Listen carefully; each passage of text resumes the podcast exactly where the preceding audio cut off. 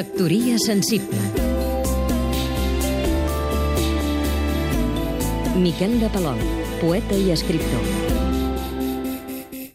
Diumenge a hora de sopar em va trucar una amiga per dir-me que mirés l'interessantíssim reportatge del programa de la tele d'en Jordi Évole.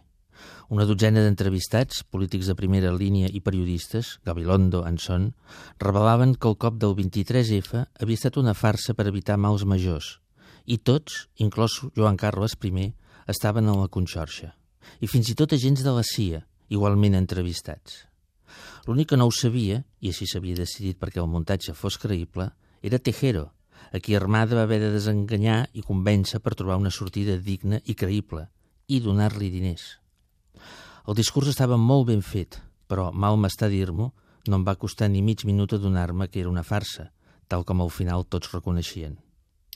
El colofó amb els entrevistats comentant la jugada rient em va recordar un altre muntatge del qual, sens dubte, aquest n'és d'autor.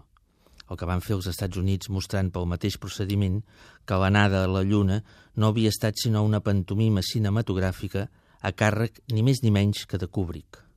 Aquí, Garci era el cineasta que pretesament havia ocupat la part tècnica. Dues conclusions.